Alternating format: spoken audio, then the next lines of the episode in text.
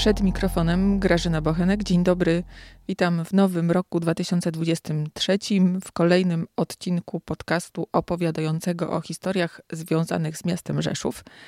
Nowy rok mógłby się kojarzyć z karnawałem, o którym zresztą ostatnio opowiadała profesor Jadwiga Szymczak-Hoff, a w każdym razie z radością, nadzieją i nowym początkiem.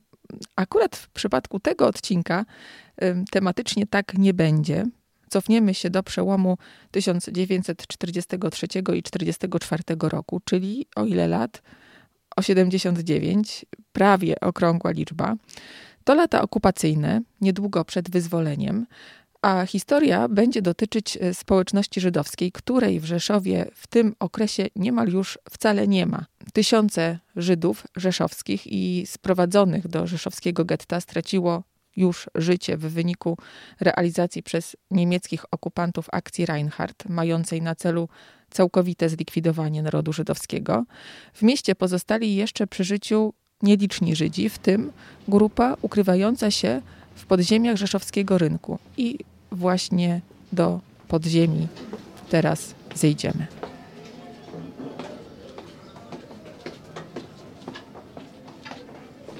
Rzeszowskie piwnice, podziemia Rzeszowskiego Rynku. Jeden z ważnych punktów tutaj na trasie zwiedzania pod kamienicą Rynek 15, czyli pod kamienicą zwaną domem Esterki bądź e, domem Shipperów.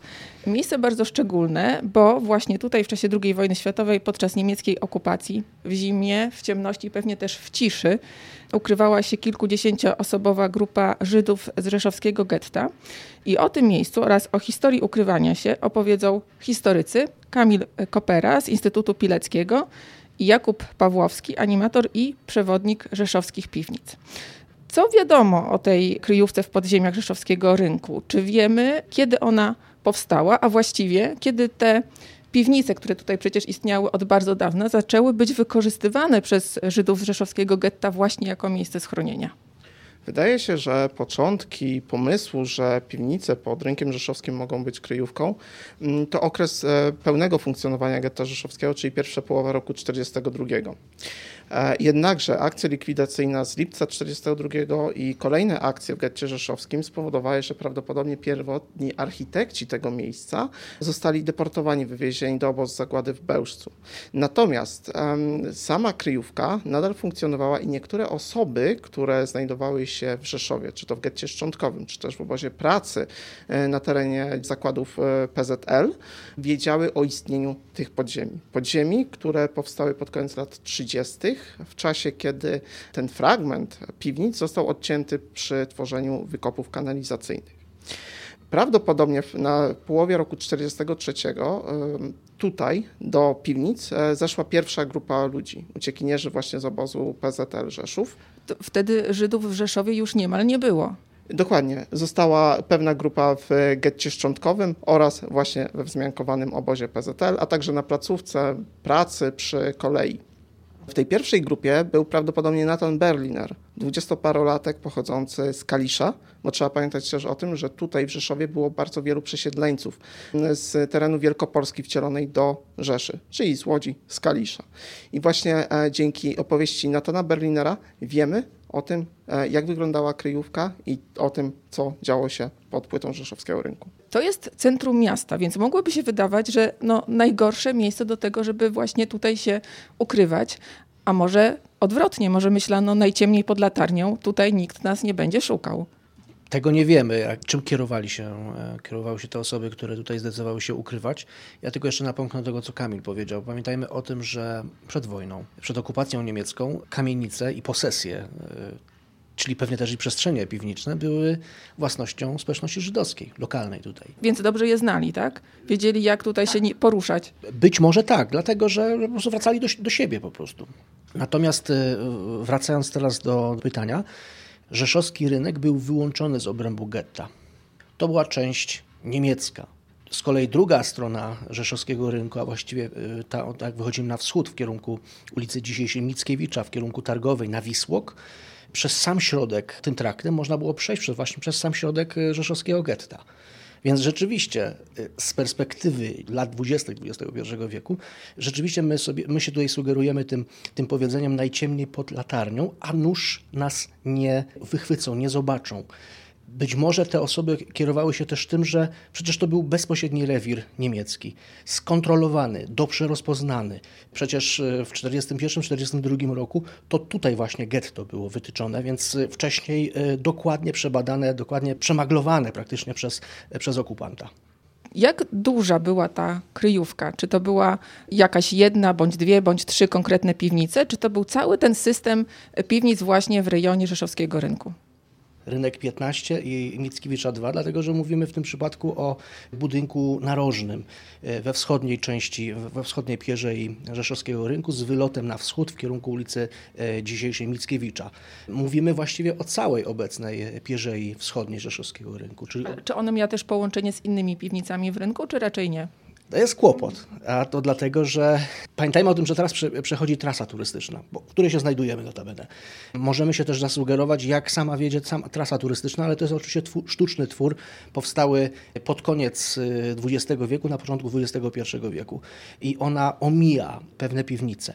Ale mi tutaj przychodzi od razu na myśl właściwie największa piwnica, jaka znajdowała się na terenie, czy też pod płytą Rzeszowskiego Rynku. Mam tutaj na myśli piwnicę Tuchfelda jest to nowożytna piwnica, która, jak podają źródła, a konkretnie między innymi też y, autor pierwszej monografii rzeszowskiej z 1913 roku, Jan Pęckowski, wspomina o piwnicy, która była długa na 98 metrów, a do niej dochodziły dodatkowo z jednej i z drugiej strony takie wejścia pod kątem, prawdopodobnie rampy, po 15 metrów. I tak się akurat składa, że prawdopodobnie właśnie ta piwnica, przynajmniej w jakiejś części, dochodzi do Pierzei Wschodniej i Muska może wchodzi bezpośrednio pod kamienicę Rynek 15. Więc jak widać, jest to połączenie. A połączeniem jest dodatkowo jeszcze sam fakt, y, że jak wspomniałem, Pierzeja Wschodnia to jest jeden wielki, można powiedzieć, jeden wielki system piwnic i w tym przypadku również bunkra. No bo z powodów e, bezpieczeństwa było dobrze mieć połączoną tą piwnicę jeszcze z innymi pomieszczeniami tutaj pod płytą rynku.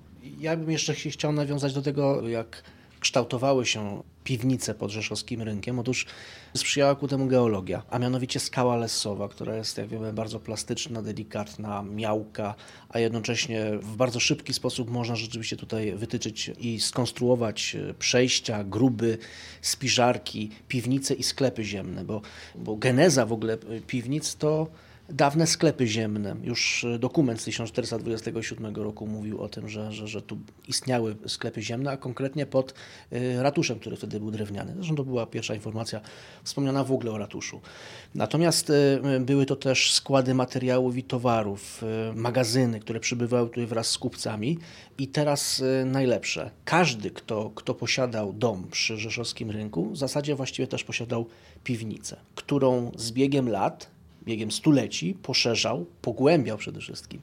I efekt jest taki, że będąc w piwnicach bezpośrednio pod płytą rynku, czy też pod zabudową, jesteśmy w piwnicach najstarszych. Będąc z kolei głębiej, to jest właśnie odwrotne do archeologii, jesteśmy w piwnicach najmłodszych z kolei. Zakładamy, że społeczność żydowska, która ukrywała się w bunkrze pod rynek 15, pod kamienicą rynek 15, ukrywała się w jednych najstarszych piwnic, nowożytnych, prawdopodobnie XVII-wiecznych. I jeszcze jedna uwaga. Niektóre z tych piwnic miały połączenia. Z biegiem lat postarano się o to, żeby, żeby te połączenia były. Efekt jest właściwie taki, że możemy obejść rynek rzeszowski dookoła.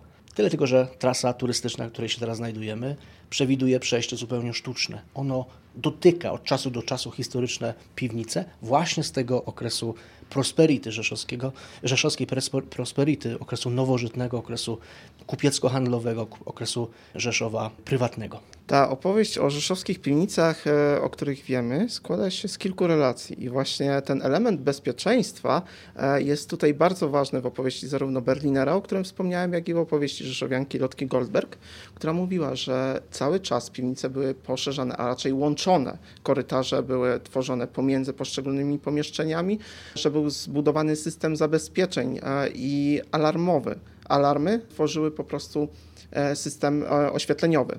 To znaczy, że w piwnicy ci ludzie, którzy się ukrywali, mieli właśnie jakiś system oświetleń. Nie wiemy, czy to była elektryczność, czy, czy to było właśnie jakiś inny system dający tym ludziom po prostu światło.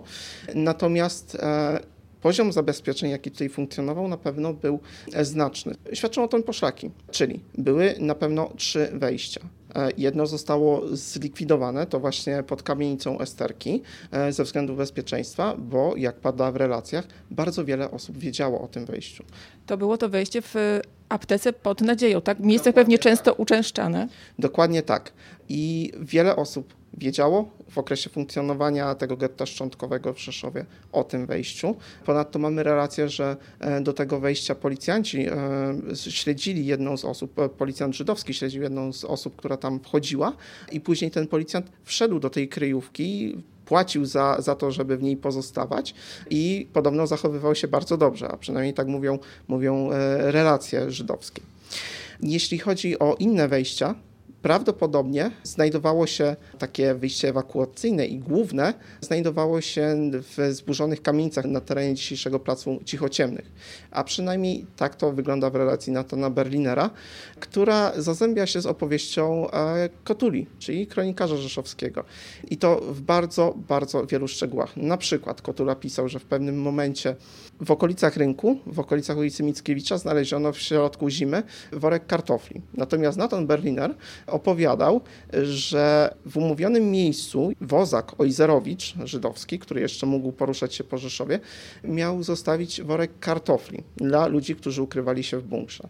Berliner opowiadał, że z perspektywy ludzi, którzy mieli odebrać e, ten worek, oni nie mogli tego zrobić, bo na zewnątrz, e, w rejonie zawalonych kamienic, przez całą noc parkował niemiecki samochód wojskowy. I Niemcy nie znaleźli tego worka, a Żydzi nie mogli tego worka po prostu przejąć. Zrobiło się widno, nagle tajemniczy worek pojawił się w centrum miasta, więc relacje tak różnych ludzi zazębiają się w przypadku tej opowieści o tej kryjówce w niesamowity sposób.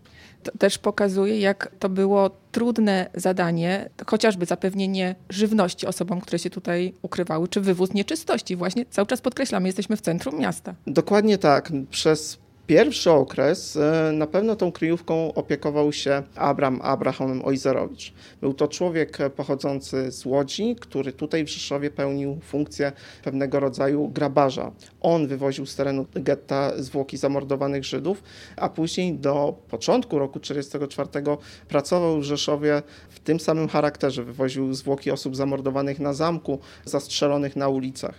Pewnym momencie on również poczuł się zagrożony i zniknął ze swoją rodziną, jak to Kotura pisał, zapadł się pod ziemię. Oczywiście Ojzerowicz i jego rodzina ukryli się w piwnicach. Tą kolejną osobą, która zaopatrywała i opiekowała się tą kryjówką, był Michał Stasiuk i jego żona Wiktoria. Stasiukowie mieszkali w centrum Rzeszowa na początku przy króla Kazimierza, później na terenie przyległym do rynku, w kamienicach w rynku, można by powiedzieć. I za moment ten punkt też y, odwiedzimy. A co jeszcze możemy powiedzieć, co jeszcze wiemy o osobach, które się tutaj ukrywały? Na ile historycy są w stanie dzisiaj poznać ich nazwiska, czy już znają te nazwiska? Zachowała się księga więzienna. Zachowała się księga więzienna, e, do której wpisano praktycznie 3 czwarte osób złapanych w bunkrze podziemiach rzeszowskich. Z relacji żydowskich wynika, że tych osób ukrywających się tutaj było 36, około 10 przeżyło. Mówimy oczywiście już o tym ostatnim y, okresie. Tak, o tym ostatnim okresie, gdzie ta liczba 36 osób e, nigdy nie pojawia się większa niż e, liczba osób ukrywających się tutaj. Przede wszystkim byli to ludzie młodzi, w wieku 20-20 kilku lat. Część z tych ludzi to byli Rzeszowianie, jedna osoba z Tyczyna, która mieszkała, a później przeprowadziła się do Rzeszowa. Był to notabene znajomy e, rodziny Stasiuków, Lejsortorn. Byli to ludzie, którzy uciekli z, czy to z placówki pracy na terenie kolei, czy też e, z placówki PZL Rzeszów. No i też prawdopodobnie część ludzi, która w ten czy w inny sposób przetrwała na terenie getta szczątkowego. Albo miała ze sobą takie przygody jak na przykład Lotka Goldberg, która z Rzeszowa została wysiedlona, wywieziona raczej do obozu pracy do Szebni. Stamtąd e, uciekła wróciła do Rzeszowa, wróciła na teren getta i z getta trafiła do domu Stasiuków, a później od Stasiuków została przerzucona tutaj do podziemnej kryjówki. Więc jesteśmy w stanie odtworzyć 3 czwarte mniej więcej nazwisk osób, które tutaj się ukrywały, które zostały później przez Niemców zamordowane. Tak jak wspomniałam, to miejsce tutaj na trasie zwiedzania w rzeszowskich piwnicach jest bardzo wyraźnie zaznaczone za pomocą tablicy, ale nie tylko tablica jest tutaj tym ważnym znakiem. To prawda, ono jest bardzo charakterystyczne, dlatego że no przede wszystkim jesteśmy w, w bardzo y, bliskiej odległości od samego bunkra. To jest raptem kilka metrów, 3 do 4 metrów dzielącej nas ściany, ale nie tylko ściany, bo okazuje się, że y, w grę również tutaj wchodzi jeszcze inna blokada, a mianowicie cementowo-lesowa plomba, która pojawiła się w okresie powojennym tutaj w tym miejscu. Ale dlaczego? Dlatego, że właśnie w okresie powojennym zauważono, że rzeszowski rynek zaczyna osiadać. Pojawiają się puste przestrzenie, dziury w, w, w bruku, no i obawiano się, że całość się zawali. To wszystko też zagrażało lokalnej zabudowie. Więc co robiono? Najprostszą rzecz. Lano tam metry sześcienne cementu z lesem, aby wszystko związać w jedną konstrukcję, żeby zablokować dalszą destrukcję. I właśnie tabliczka upamiętniająca miejsce ukrywania się uciekinierów rzeszowskiego getta w latach 43-44 właśnie na naszej trasie, gdzie, gdzie przechodzą e, turyści niemalże codziennie, obrazuje właśnie jedna taka właśnie plomba. Relikt okresu powojennego, in situ, czyli z miejscem związane jak najbardziej, ale zupełnie z innych powodów pojawiających się, czyli właśnie z tych powodów, które wspomniałem, czyli zabezpieczający konstrukcję rynkową. Można zobaczyć, można dotknąć także. Można, bo to jest na takiej odpowiedniej wysokości. Zresztą badania, mm, jakimi się też posługujemy tutaj e, na trasie, e, które zostały zrealizowane w trakcie, kiedy budowana była wytyczana była trasa e, turystyczna, wiemy, że właśnie dokładnie ta plomba zasłania pewną odległość korytarza. Korytarza, który z kolei prowadzi nas do naszej historii, do miejsca naszej, naszej historii. Relacja Lotki Goldberg zawarta w Rzeszowskiej Księdze Pamięci. Niemcy wiedzieli, że bunkier istnieje i szukali go. Był on jednak naprawdę bardzo dobrze ukryty. Mieliśmy tam podziemne tunele i cały czas kopaliśmy nowe, by przygotować sobie drogę ucieczki na wypadek odkrycia naszej kryjówki. Nasza codzienność opierała się na dyscyplinie. Każdy miał wyznaczone zadania. Dniem i nocą na zmianę trzymaliśmy straż, żeby uniknąć zaskoczenia przez Niemców. Młodszy brat Siutka zamontował światła ostrzegawcze zamiast dzwonków alarmowych i odpowiadał za wystawienie straży. Pani Kleinminz prowadziła kuchnię.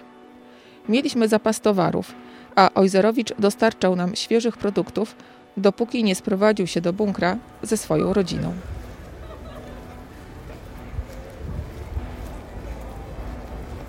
drugi przystanek na, naszego spaceru, czyli właśnie kamienica Rynek 15. W którym miejscu znajdowało się wejście wtedy do budynku i wejście tym samym do, do kryjówki? Od strony rynku oczywiście. Czyli patrząc e, na stare zdjęcie i jak teraz, my praktycznie tak jesteśmy, też, e, też tak patrzymy, jesteśmy tyłami do Pierzei e, Zachodniej, czyli do też ratusza i patrzymy na Pierzeję Wschodnią, czyli charakterystyczne łukowe wejście do dawnej apteki pod nadzieją. A dzisiaj pub Soda. A dzisiaj pub Soda i nie tylko, bo jeszcze tutaj innych jest parę instytucji, w tym też szkoła językowa no, był tutaj, była po prostu tutaj apotekę, jak to Niemcy mają w zwyczaju mówić. Doskonale znane, y, uczęszczane przez Rzeszowian, przez Niemców. I nie. No i na wprost ratusza przecież. I na wprost ratusza, gdzie jak wiemy y, była jedna z części administracji całej machiny y, niemieckiej. Oni chyba od samego początku musieli zdawać sobie sprawę z tego, że nieprawdopodobnie ryzykują. Znaczy, właściwie ryzykowaliby zawsze, nieważne w którym momencie okupacji niemieckiej trafiliby do, mm, do kryjówki na własną rękę w tym przypadku mieliby się ukrywać, ale tutaj e, wybitnie e, musieli zdawać sobie sprawę z tego, że e, ryzykują. I też możemy sobie też wyobrażać, w jakim stresie musieli egzystować tam właśnie, no właśnie pod naszymi stopami. Niepewność, okej, okay mogli się poruszać, mogli swobodnie chodzić. No, przypominam, że były też takie krywki, gdzie ludzie się w ogóle nie ruszali.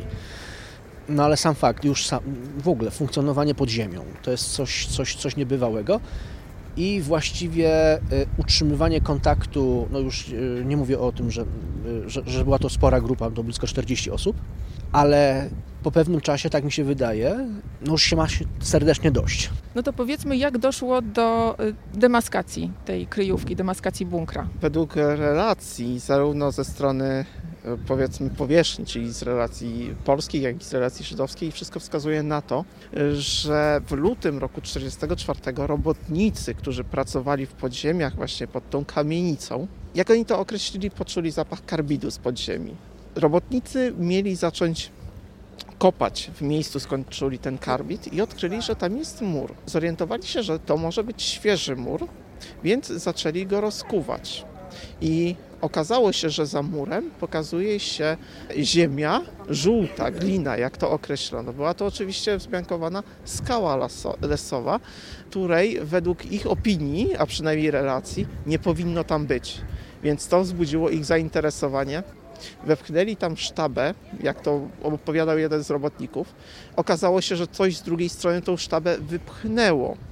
Z relacji żydowskiej e, znamy tą opowieść e, od dołu, z drugiej strony, e, gdzie jedna z relacjonujących opowiadała, że pełniła służbę, straż w jednym z pomieszczeń i nagle u góry pomieszczenia obsunęła się ziemia, ktoś wrzucił do środka żelazną sztabę i zaświecił latarką i ona spańkowana miała wybiec, dobiec do głównego pomieszczenia, gdzie, gdzie znajdowała się większa część ludzi z bunkra i krzycząc, że odnaleźli nas, że jesteśmy zgubieni.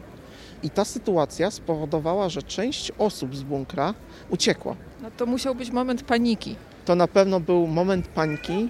Ktoś załamał się psychicznie, uciekł, został złapany na ulicach Rzeszowa.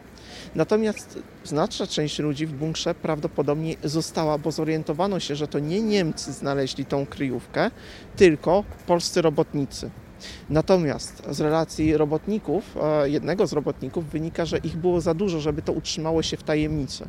I ta informacja dotarła do Niemców, którzy już e, pod dowództwem e, niesławnego Potenbauma rozpoczęli poszukiwania wejścia, które odnaleźli i mieszkańcy bunkra trafili w ręce Niemców. Trafili zarówno prawdopodobnie w bunkrze, jak i na ulicach miasta.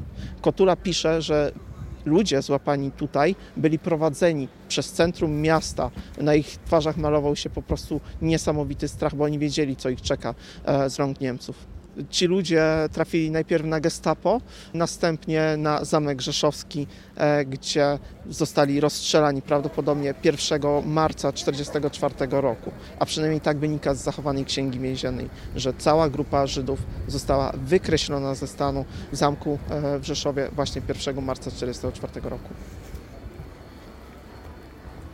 Relacja Hanki Gross z roku 1946 z archiwum Żydowskiego Instytutu Historycznego. Nad bunkrem był dom mieszkalny. Raz podczas pracy przy podkopie wpadła do wnętrza sztaba żelazna i ktoś zaświecił latarkę. Przerażeni, że nakryło nas gestapo, uciekaliśmy w popłochu. Podkop był niski i wąski i by się wydostać, trzeba było pełzać na kolanach i zaledwie małej garstce udało się uciec. W ich liczbie byłam ja z siostrą – Ojciec pozostał w bunkrze. Uciekający dowiedzieli się, że to nie gestapo, tylko robotnicy pracujący w suterenach domu nad bunkrem i dali znać reszcie, że mogą pozostać. Jedna z kobiet, Klein Mincowa z Rzeszowa, odłączyła się od reszty i ukryła się na strychu swojego domu. Zdali ją lokatorzy. Wzięta w ogień krzyżowy pytań, wskazała miejsce ukrycia w przekonaniu, że tam już nikogo nie ma. Wtedy wyłapali wszystkich. Ja uratowałam się z siostrą. Ojciec zginął w bunkrze.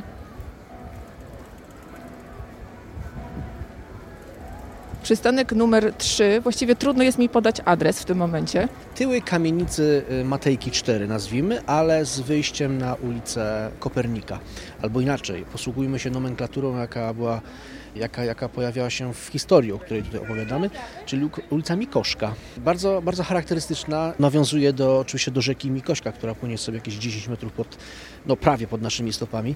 Jak wyjdziemy sobie na ulicę Kopernika, to tam płynie właśnie ta Mikośka. Jesteśmy na y, podwórku, czy też w, w pobliżu podwórka, gdzie właśnie akcja się rozgrywała tej naszej historii, ale co ciekawe, relacje, relacje są od strony żydowskiej. Tak, na tym, przy tym podwórku, a raczej w kamienicy na Matejki 4 mieszkała w okresie 42-44, możliwe, że oczywiście też po wojnie, rodzina Stasiuków, składająca się z Wiktorii, urodzonej w podrzeszowskim Chmielniku w 1890 roku i jej równolatka Michała Stasiuka. Ten człowiek urodził się w podlwowskich Jakimczycach, prawdopodobnie w rodzinie grekokatolickiej, stąd w perspektywie sąsiadów nazywany był po prostu Ukraińcem. Ta rodzina pełniła funkcję dozorców kamienicy, tutaj kamienic prawdopodobnie w rynku, bo przynajmniej taki zawód pojawia się, jeśli chodzi o dokumenty, którymi dysponujemy. I Michał e, i Wiktoria, jako że mieszkali tutaj i mieli dojścia do różnych budynków, wiedzieli, co się tutaj dzieje i na pewno cieszyli się też pewnym zaufaniem e, Żydów tutaj rzeszowskich, to właśnie ludzie, którzy ukrywali się w bunkrze, zwrócili się z prośbą o pomoc do Stasiuków. Na pewno był to jakiegoś rodzaju układ, w którym ludzie, którzy się tam ukrywali, dostarczali pieniądze, za które Stasiuk mógł kupować żywność, tłumacząc jak gdyby duże zakupy żywności e, swoją funkcją i współpracą z wieloma właścicielami kamienic. I miał dobre alibi tak, do, do tego typu działań. Doskonałe alibi, dokładnie. Ponadto, co wyszło w trakcie sprawdzania tej historii, bo historia piwnic i ukrywania się pod rynkiem była znana, oczywiście nie znano szczegółów, ale w trakcie sprawdzania tej historii udało się odkryć, że syn Michała, Marian, który mieszkał dosłownie naprzeciwko, pracował na gestapo. Został wysłany do pracy w gestapo w charakterze również dozorcy. I również Marian miał pewne kontakty z ludźmi tutaj z Rzeszowa, z Żydami, którzy walczyli o przetrwanie. I jedną z takich osób był rzeszowianin Lejzor Torn. Pochodzący z Tyczyna, wspomniany wcześniej. Tak pochodzący z Tyczyna, mieszkający później w Rzeszowie, notabene też właśnie po sąsiedzku ze Stasiukami, czyli w rejonie, w rejonie rynku. Torn przez pewien czas pracował na gestapo, również był wykorzystywany przez Niemców jako pewnego rodzaju sprzątacz, pomocnik i czując obawę o życie, on uciekł, prawdopodobnie z pomocą Mariana z gestapo, z pracy w gestapo i trafił pod opiekę ojca Mariana, czyli Michała Stasiuka. Trafił do bunkra e, pod rzeszowskimi piwnicami. Możemy powiedzieć, że rodzina Stasiuków była łącznikami tych Żydów ukrywających się w bunkrze ze światem zewnętrznym. Dokładnie tak. Wygląda na to, że Michał, Wiktoria i częściowo też Marian dosłownie opiekowali się całą tą grupą ponad 30 osób, bardzo młodych osób, bo to byli ludzie w większości około 20-paroletni. Czyli mamy pomoc przez dostarczanie żywności, ale też e, wydaje się, że takie podtrzymywanie na duchu z tego względu, że to było też dostarczanie wiadomości tego, co się dzieje na zewnątrz, tego, że po prostu Niemcy są coraz bliżej, bo proszę pamiętać, że przełom roku 43, 44 e, to zbliżanie się Rosjan już do granic dzisiejszego Podkarpacia, luty to marzec to są walki w rejonie Kowla na północ od Lwowa. Co się wydarzyło w momencie, kiedy e, kryjówka została odkryta? Żydzi, którzy uciekli z bunkra, przyszli do jedynego miejsca, które było im przyjazne, czyli do domu Michała i Wiktorii. Czyli tutaj, na Matejki 4. Na Matejki 4. Zostali wyśledzeni, cała ta grupa została w jakiś sposób wyśledzona i czy to przez e, polską granatową policję, która musiała współpracować z Niemcami, e, czy też przez samych agentów e, Gestapo. W każdym razie w pewnym momencie Niemcy wpadli do domu Stasiuków, aresztowali całą grupę Żydów, która tam była, a także Michała i Wiktorię. Marian, czyli syn Stasiuków, zeznawał po latach, że on został również aresztowany, jednak ze względu na to, że miał znajomości na gestapo w polskiej granatowej policji, on został w jakiś sposób wyproszony, jak on to określił, od aresztowania, podkreślając, że on żył, jak to padło w zeznaniach, w niezgodzie z ojcem i dlatego on nie został zamordowany, a także nie została zamordowana jego matka, czyli Wiktoria Stasiuk. Ona spędziła na gestapo, czy też na Zamku Rzeszowskim trzy dni, została wypuszczona 28 lutego 1944 roku. Natomiast Michał Stasiuk został aresztowany właśnie prawdopodobnie 25 lub 26 lutego 1944 roku. 17 marca wydrukowano plakaty z obwieszczeniem, że został skazany na karę śmierci e, za popieranie elementów wrogich Rzeszy.